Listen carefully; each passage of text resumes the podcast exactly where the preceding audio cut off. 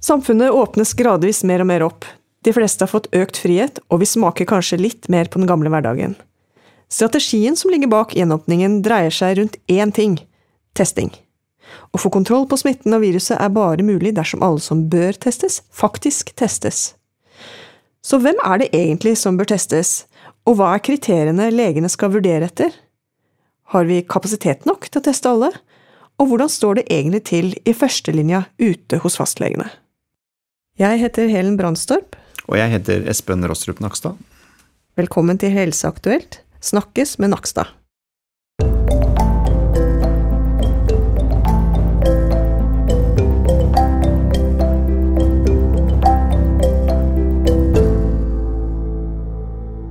Du Espen, tidligere så var jo kriteriene for testing ganske strenge.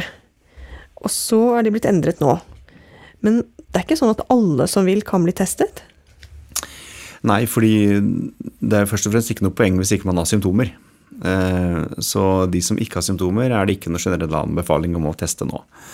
Men eh, for de som har luftveissymptomer, altså som hoster eller harker, eller eh, gjerne har litt feber eller er tunge i pusten, og tror de kan ha korona, så er det nå ingen begrensning i om man kan bli testa.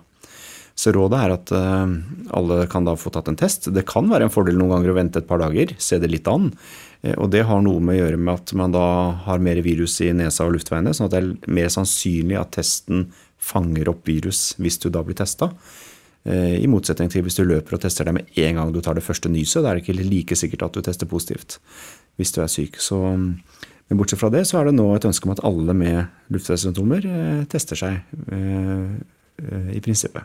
Mm. For hvis alle uten symptomer hadde testa seg også, så hadde vi fått denne problematikken med at vi, testen ikke er helt, helt, helt sikre, eller mm. kan slå ut liksom litt feil. Jeg kan si hvis mange uten symptomer blir testa, så er det sannsynligvis folk som ikke har virus i luftveiene. Og da vil jo vanligvis ikke testen slå ut. Men det er jo en statistisk mulighet for å få noen falske positive prøver også, eh, rent statistisk. Men det største problemet er jo rett og slett at du da bruker testkapasitet på unødvendige prøver. Mm. Eh, men hvis man tester alle de med symptomer, eh, som har da en forkjølelse eller et eller annet eh, som gjør at de får symptomer, så vil man i prinsippet fange opp de som da har koronavirus. Og sånn som det er nå, så er det veldig få. Av alle testene som blir tatt per uke nå, så er det jo under 1% som faktisk har koronavirus. Mm. Men det er likevel viktig da å fange opp akkurat de som har det. Nettopp. Og det er både for deres egen del, selvfølgelig, og for at ikke de skal smitte andre. Ja, nettopp. Fordi eh, klarer vi å fange opp dem, så kan ikke de gå rundt i samfunnet og smitte andre. Eh, da blir de eh, satt i hjemmeisolasjon, altså får beskjed om at du må være hjemme til du er frisk. Og da skal man ha vært helt frisk i minst tre dager før man kan begynne å bevege seg blant folk igjen. Og det skal gå minst åtte dager fra man fikk symptomer uansett. Så det blir minst åtte dager da. Og tre dager etter at man har blitt frisk. Og da genererer man ikke noe mer smitte, eh, og det blir ikke behov for eh, smittesporing, og det blir ikke behov for karantene for andre, og samfunnet slipper å bruke masse ressurser på å spore opp da smitte fra den ene personen. Mm. Så det med testing er kjempeviktig for å få kontroll på smitten og de smittebærende og ja. ja. det er viktig både for å få kontroll og ikke minst å beholde kontrollen. Fordi eh, hvis vi nå skal leve i et samfunn hvor hvor eh, vi har lite andre tiltak som er inngripende og kan leve mest mulig normalt, eh, så er den eneste måten å oppnå det på, det er å ha lite smitte i samfunnet. Eh, da er det lav risiko å være ute, det er lav risiko å være på jobb. Det er lav risiko for de som er i, i spesielt utsatte grupper. Og det er også forbundet med mindre økonomiske konsekvenser for arbeidslivet generelt om folk er friske og ikke i karantene og ikke syke. Ikke sant. Jeg tenker på all den testingen, den krever jo en del av eh, kommunehelsetjenesten. Det er gjerne der det foregår. Mm. Og sentrale der er fastlegene, vel. Ja. Mm. Jeg har invitert med en gjest. En eh, fastlege jeg kjenner i Trondheim, som heter Hanna Helgetun Krogh. Og hun, eh, hun ble kjent med for et par år siden. Da var hun en av de litt berømte, i hvert fall, trønderopprørerne, som satte fastlegeordningen skikkelig på dagsorden. Og hun er nå veldig engasjert i Trondheim kommune rundt dette med, med testing og ja, korona, da. Så det har vært litt artig å høre fra henne. Ja, Hyggelig at vi får en gjest. Det er veldig hyggelig. ja. Hei, hei. Hei, Helen. Hei, Espen. Hallo. Hallo. Er du Ja. på kontoret ditt? Du, jeg sitter her på kontoret mitt. Nå har jeg hatt en eh, full dag frem til nå, og så tar jeg en pause for å snakke litt med dere. Så bra. Som fastlege, hvordan Kan ikke du si litt Altså, vi har liksom temaet testing. Hvordan er du engasjert i det? Nei, det er jo sånn at eh, kommunen har jo måttet bygd opp en beredskap på testing og en høy testkapasitet over en eh, ganske kort periode. Og vi har da som tillitsvalgte i kommunen vært engasjert i det her. og hatt mye samtaler med kommuneoverlegene og dem som sitter i administrasjonen i legetjenester og i kommunehelsetjenester her i Trondheim. Da. Så kommunen og kommuneoverlegene har vært kjempeflinke. De har bygd opp en veldig god testkapasitet her i Trondheim og tester mange hundre eh, i uka. Og jeg tror nok det at vi kan si at nå har vi fått eh, bygd opp en god, eh, god eh, struktur rundt det her. Og i tillegg så har vi jobba veldig hardt for å ordne en eh, luftveispoliklinikk her i Trondheim. Og det har fungert veldig bra. Og det har vært eh, en god avlastning for oss fastlegene som eh, ja, har måttet jobbe veldig mye. Da. Eh, og har hatt mye pasienter som har trengt undersøkelser, fysiske undersøkelser, som vi ikke da alltid har kunnet gjort på fastlegekontorene våre, men må ha sendt til en annen plass der det er trygt for dem å komme og få bli undersøkt. Og eventuelt tatt prøver. Mm. Syns du det har vært eh, trygt å jobbe med de pasientene? Har du, eller har du vært redd for å bli smitta sjøl? Jeg må jo være ærlig og si at man er jo alltid redd for at man skal bli smitta, eller at man skal smitte andre. Det tror jeg veldig mange av oss i helsevesenet har følt på. Det har jo vært en ganske sånn utfordrende og merkelig tid for alle sammen. Altså Pasientene har kjent det på kroppen, vi har kjent det på kroppen, og det er jo en sånn utrygghet. I starten så eh, var det jo mye informasjon som kom fra utlandet, og så var det litt vanskelig å sortere det her, og hvor relevant er det for oss her i Norge? hvor relevant det. Så hva er ikke relevant? Men etter hvert så har vi vel funnet ut at eh, nå tror jeg vi kan være ganske rolig på at vi har kontroll, og det har vi jo hørt fra Helsedirektoratet og helsemyndighetene over lang tid nå, at de har kontroll, og det stoler jeg fullt og helt på. Og syns at Norge har eh, vært veldig flink til å jobbe med koronapandemien på en riktig og veldig grundig og flott måte. Det må jeg si også. Nei, vi, har, vi har jo vært eh, imponert over å se hva som har skjedd ute i kommunene. fordi det er klart, det var, var jo en stor endring ut fra det som eh, var normal prosedyre på både fastlegekontorer og helsestas- helsestasjoner og andre steder, hvor man ikke tok så mange luftveisprøver per dag. eh, Og for så vidt hadde en dimensjonering av det som var tilpasset noe helt annet enn det som har vært nå de siste månedene. Sånn at det at man har klart å, å rigge seg for å både få tatt prøver uten at andre pasienter da blir eksponert på et venterom og sånne ting, altså de praktiske ting rundt det, men også det med den oppfølgingen som må til da, etter å ta så mye prøver også, og, og hele det logistiske systemet da inn mot laboratoriene. Det er klart det har vært en stor sak eh, i hele kjeden fra helt ute fra fastlegen og inn på laboratoriet og tilbake igjen eh, når prøvesvar kvitteres ut. Så det, det har vært imponerende å se, syns vi, da.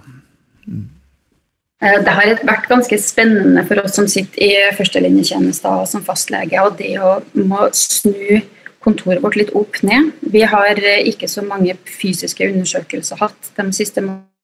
Vi har flytta alt over på videokonsultasjoner, alt som har mulighet til å være det på videokonsultasjoner. Og det er jo en helt annen måte å jobbe på. og jeg tror nok det her vil på en måte endre litt av hvordan vi bruker helsesystemet framover òg, egentlig. Og det å på en måte må si at pasienter ikke kan komme til oss, det har jeg òg syntes har vært veldig utfordrende. fordi at vi skal jo på en måte ikke smitte de eldre pasienter eller de med kroniske sykdommer som er på venterommet. Og det å si at nei, du kan ikke komme hit, det å ha et stoppskilt på venterommet mitt, det har jeg syntes har vært litt utfordrende. Eh, Men, eh, men jeg skjønner jo at det, at det må til. Og vi har jo rigga oss godt og fått andre gode løsninger som har gjort at vi har kunnet snakke med pasienten på videokonsultasjoner og så gi dem en mulighet til å komme videre til noen som kan teste dem og undersøke dem på en god måte. Det blir jo veldig spennende å se nå hvordan dette holder i seg når vi da kommer til slutten av denne pandemien på et eller annet tidspunkt, om hvordan hverdagen blir på fastlegekontoret, men også inn mot sykehusene. Og, og, og jeg lurer litt på, har du tenkt på Altså, Føler du at kontakten med sykehusene nå er tettere enn den var før? Altså, Er det en mer både faglig og tettere dialog, eller øh, har dere noen følelse med det ute i primærhelsetjenesten? I Trondheim så har vi vært ganske heldige med at vi har hatt god dialog med veldig mange av avdelingene på sykehuset. Men jeg tror nok det at uh, mange vil kjenne på det at kommunen i seg sjøl blir i en tett tettere dialog med sykehuset. At man følger pasientene på vei ut fra sykehuset og har en litt, eh, litt, bedre plan med hva som skal skje, men også da på veien inn til sykehuset. Så jeg tror nok det her kan, kan løse opp i enkelte ting, absolutt. Eh, og mulig skape bedre samarbeidsrutiner, da. Men uansett så vil jeg berømme mye av det arbeidet som har skjedd på sykehuset her i St. Olavs på forhånd. En del fastleger er jo også sykehjemsleger i sånn liten bistilling. Og det er jo interessant å se at uh, det er vel flere enn 50% som er død på institusjoner i kommunene, altså sykehjem gjerne. Uh, og det testes jo der òg, ellers hadde man ikke visst det. Nei, stemmer det. Det er jo eh, Både i Norge og Sverige og mange andre land så har det jo vært mer enn flertallet av de registrerte dødsfallene har faktisk vært på, på eldre- og omsorgsinstitusjoner. Um, og det er jo kanskje egentlig ikke så rart i og med at eh, de mest utsatte er de eldste. Og du ser på statistikken internasjonalt også at dødeligheten, i hvert fall når du kommer over 80 år, er eh, vesentlig høyere enn yngre aldersgrupper. Så sånn sett er det kanskje ikke så overraskende. Men, eh, men, det er jo det når man ser at det er litt forskjeller mellom sykehjem da, og, og, forskjeller regionalt, at man ser da betydningen av måte, å, å ta tak i det tidlig også. Ja, og arbeid med smittevernrutiner Mm. Eldreomsorgen. Ikke minst. Testing. Mm. Altså å ha systemer. Mm. Jeg vet ikke om det er sånn i Trondheim, eh, Hanna, men eh, i distriktene så er nå i hvert fall eh, fastlegene ofte litt kombi. Både litt sykehjemslege og fastlege og ja, har legevakt og ja. ja altså, vi har jo ofte mange roller. Det har vi. og jeg sjøl har jobba mest på legevakta i tillegg til fastlegejobben min, men det er jo også noen som er sykehjemsleger. Og det, og det er også på en måte ut og, og se uh, hvordan pasientene har det hjem. F.eks. når man har kjørt rundt med den uh, koronabilen som vi har hatt her i Trondheim, så har de kjørt inn på sykehjemmene og sett hvordan pasientene har det der. Og, og det er viktig også å følge smittevernreglene veldig veldig nøye, slik at man ikke fører smitte inn i uh, sykehjemmene bl.a. Og det er jo noe som vi har hatt høy, høyt fokus på. Mm. Det virker jo som eh, jobben har vært gjort godt, for vi ser jo det på statistikken over andre infeksjonssykdommer nå, at den har gått rett ned. Det gjelder ikke bare influensa, det gjelder jo knapt eh, eller alt som egentlig måles i MSIS, meldingssystemet for infeksjonssykdommer, eh, har jo falt som en stein. Sånn at det viser jo at dette nok har vært gjort på en god måte både i helsetjenesten, men sannsynligvis også fordi folk har hatt litt mindre kontakt med hverandre, da. Ellers også. Mm. Så det er jo interessant. Ja, kan jeg spørre om det, Espen? Nå skal vi teste. Mm. Det er liksom det skal, Vi skal gi oss kontroll, men uh, vi skal holde avstand mm. og vaske hender. Ja. Og så skal vi bevege oss litt mindre. Det er også en sånn greie. Ja, du kan si at uh, det som vi nesten gjentar til det kjedsommelige, det er jo liksom Det er litt i prioritert rekkefølge. fordi det aller viktigste er jo litt det vi var inne på, nemlig finne de syke, og at de holder seg hjemme. Eh, For da kan du ikke smitte andre. Hvis du er hjemme når du er syk, så, så eksponerer du ikke andre for virussmitte enn de du eventuelt bor sammen med, og de skal du også holde litt avstand til da, eh, i en sånn situasjon. Da er jo de faktisk i en karantenesituasjon fordi de er nærkontakter.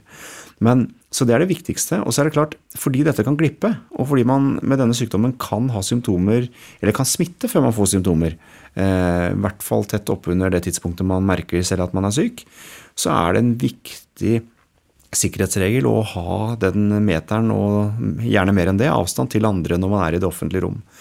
For da er smitterisikoen vesentlig mindre. Og så kommer det du er inne på med håndvask og disse andre tingene som er lurt i tilfelle man har fått virus på hendene da, i løpet av en dag, eller når man er ute. Ehm, og så er da dette med testing det helt vesentlige nettopp for å finne de som skal isoleres. Eh, og tanken der er å gå fra en sånn diagnostisk tilnærming, som er mer det fastlegene er vant til, at vi tar jo bare en prøve fordi det er en betydning å ta den prøven for pasienten. Det har man jo lært opp til. ikke sant? Man tar ikke prøver for moro skyld. Men nå er det faktisk sånn at vi tar prøver ikke nødvendigvis fordi vi mistenker det sterkt hos den ene pasienten, men fordi det inngår i en screeningtankegang om at vi må teste bredt for å fange opp da de enkelttilfellene. Så det er en liten sånn Eh, endring i hvordan man tenker på det med testing, som er viktig ute i kommunehelsetjenesten nå. Og tar inn over seg at eh, ja, det er lav sannsynlighet, det er lav risiko i utgangspunktet.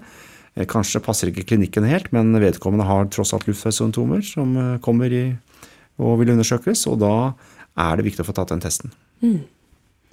Ja, det var en fin presisering. Vi går fra en sånn diagnostisk leter etter de vi har sterk mistanke, til mm. mye bredere, men ikke de som er helt frisk og helt uten symptomer? Nei, ikke som en hovedregel, fordi der igjen er det veldig lav risiko for å finne noen i det hele tatt.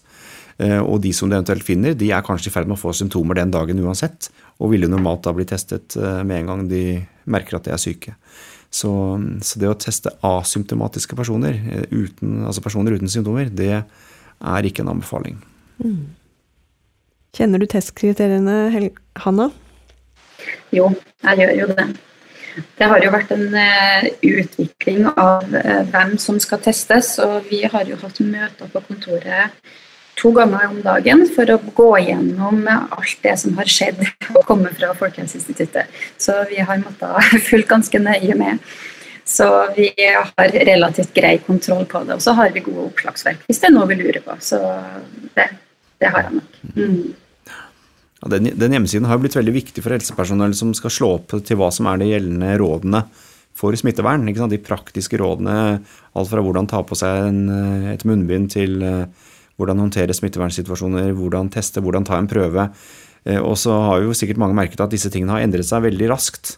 Det har jo vært en prosess dette her hvor, hvor rådene har blitt endret ganske hyppig. Men likevel så er det jo imponerende når man ser da hvor mange som er inne og sjekker dette her.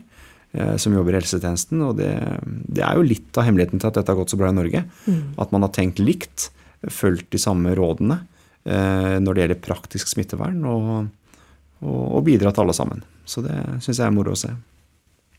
Og jeg syns jo, ettersom vi har en trønderopprører og en skapeopprører meg, så vil jeg jo og, en, og en kort trønder her. Og en kort trønder. oh, ja. Det er jo fantastisk at vi har kompetente leger i spesialisering, eller spesialister i allmennsin i hele landet. Spredt mm. utover den dekningen av leger vi har, både som kommuneoverleger og fastleger, sykehjemsleger, den er, den er i verdenssammenheng veldig god. Ja. Og man ser det nå ved en pandemi, hvor viktig det er i land som Norge, og hvor betydningsfullt det er å faktisk ha en helsetjeneste helt der ute. Mm. For det er der jobben gjøres. Altså Når disse pasientene kommer inn på et sykehus og er dårlige, og vi vet jo at én av fire eller én av fem havner på intensivavdelinga, de som faktisk legges inn. Da er, på en måte, er, liksom, der er det litt seint å forhindre det sykdomstilfellet. Eh, sånn at eh, den jobben nå med å teste, eh, bidra til smitteoppsporing, ha kontakt med pasienten hvis de sitter hjemme isolert, følge opp om de blir sykere og eventuelt trenger innleggelse også. Sånne ting er veldig viktig, og det hadde aldri gått uten, uten kommunehelsetjenesten og primærhelsetjenesten generelt. Ja, hva sier du til det, Hanna? Jeg tenker at Fastlegeordninga vi har i Norge, den er ganske så unik. Eh, det at vi har et listeansvar, det gjør at vi har en eh, personlig og en forpliktende relasjon til pasientene våre, og også gjerne til familiene.